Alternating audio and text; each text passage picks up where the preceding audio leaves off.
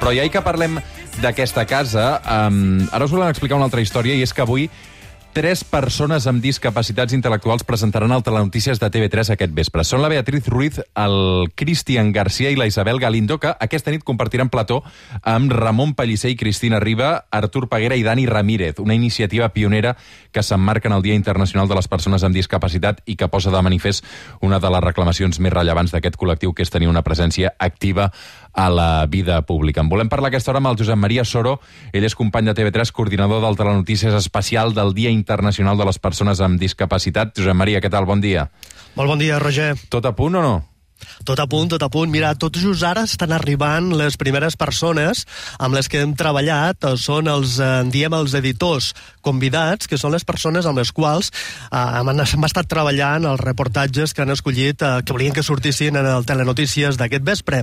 Però no només volíem que escollissin els reportatges eh, sobre qüestions que els preocupaven del seu sector, sinó que hem fet un pas més i, i volíem que vinguessin avui a, a la tele i es poguessin reunir amb l'equip d'edició que lidera el Ramon Pellicer i que ells també tinguessin sobre la taula els temes de l'actualitat de la jornada i poguessin decidir quins són els que ells creuen que són més importants, els que han d'anar per davant, els que han de tenir més minuts, els que creuen que són prioritaris. I, per tant, els deixarem coeditar el Telenotícies Vespre. I, com deies, una cosa que no ha passat mai a la història de TV3, en els 40 anys d'història de TV3, que és que per primer cop hi haurà copresentadors al, al Telenotícies. Mai havia passat això. Seran tres persones amb discapacitat intel·lectual, la Bea Ruiz, el Cristian Garcia i la Isabel Guinaldo, eh, que copresentaran eh, i, per tant, veurem persones amb discapacitat intel·lectual en un rol diferent al qual estem acostumats a, a veure-les. Déu-n'hi-do, quins nervis, eh? Uh, uh, tenen experiència en el món del periodisme?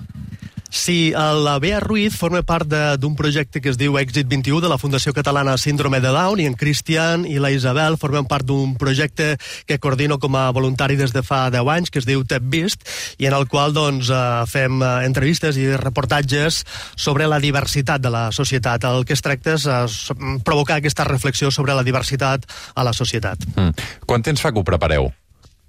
Doncs mira, portem ja dos mesos amb l'ajuda de la Federació d'INCAT, que és la federació que agrupa les entitats del sector de la discapacitat intel·lectual. Hem anat a diferents entitats del territori.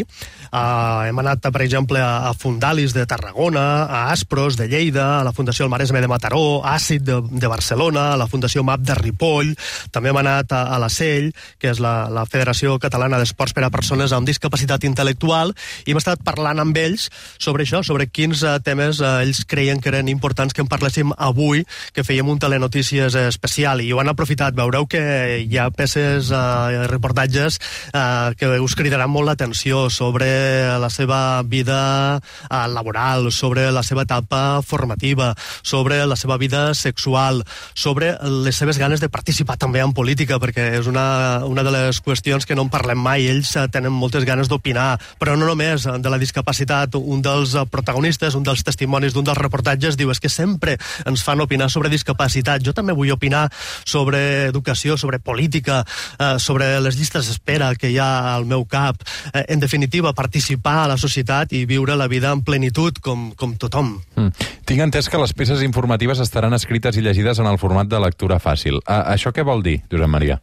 Això és importantíssim. La lectura fàcil és un mètode, dit a l'engròs, és un mètode d'escriure eh, les, eh, els textos de tal manera que siguin mm, comprensibles, que siguin més fàcils d'entendre. I això afecta no només el lèxic, sinó també la sintaxi. Són frases més curtes, un lèxic eh, senzill, i també afecten el disseny, eh, de tal manera doncs, que l'interlineat sigui una mica més, eh, més generós, eh, afecta també en l'ús de, de, de, o evitar, eh, per exemple, metàfores, o a l'hora d'evitar de, punts suspensius, alguns eh, signes que utilitzem habitualment, i tot plegat doncs, ajuda que, el, que els missatges siguin més entenedors i, i és important perquè un 20% de la nostra població té dificultats de comprensió lectora. Estem parlant de persones amb discapacitat intel·lectual, però no només. També persones doncs, que tenen un deteriorament de la seva capacitat cognitiva per l'envelliment i cada cop doncs, ens hi trobem més a la nostra societat, o també persones nouvingudes que no acaben de dominar encara el nostre idioma,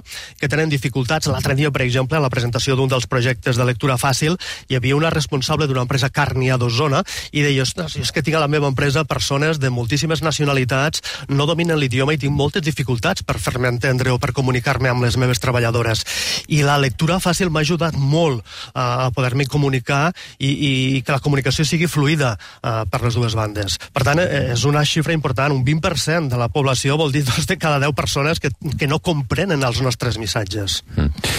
Doncs això és el que veurem avui, aquesta nit, al TN Vespre. El Josep Maria Soros, periodista, company de TV3, que ha coordinat aquest dia eh, especial, Dia Internacional de les Persones amb Discapacitat. Per tant, avui uns quants presentadors al TN, més enllà del Ramon Pellicer i la Cristina Riba. Esperem que vagi molt bé, estarem ben atents. Moltes gràcies, Roger, i esperem que això no sigui només uh, flor un dia, sinó que anem sembrant uh, i que surtin més flors i que ajudem a construir una societat més amable per a tothom, una societat més diversa.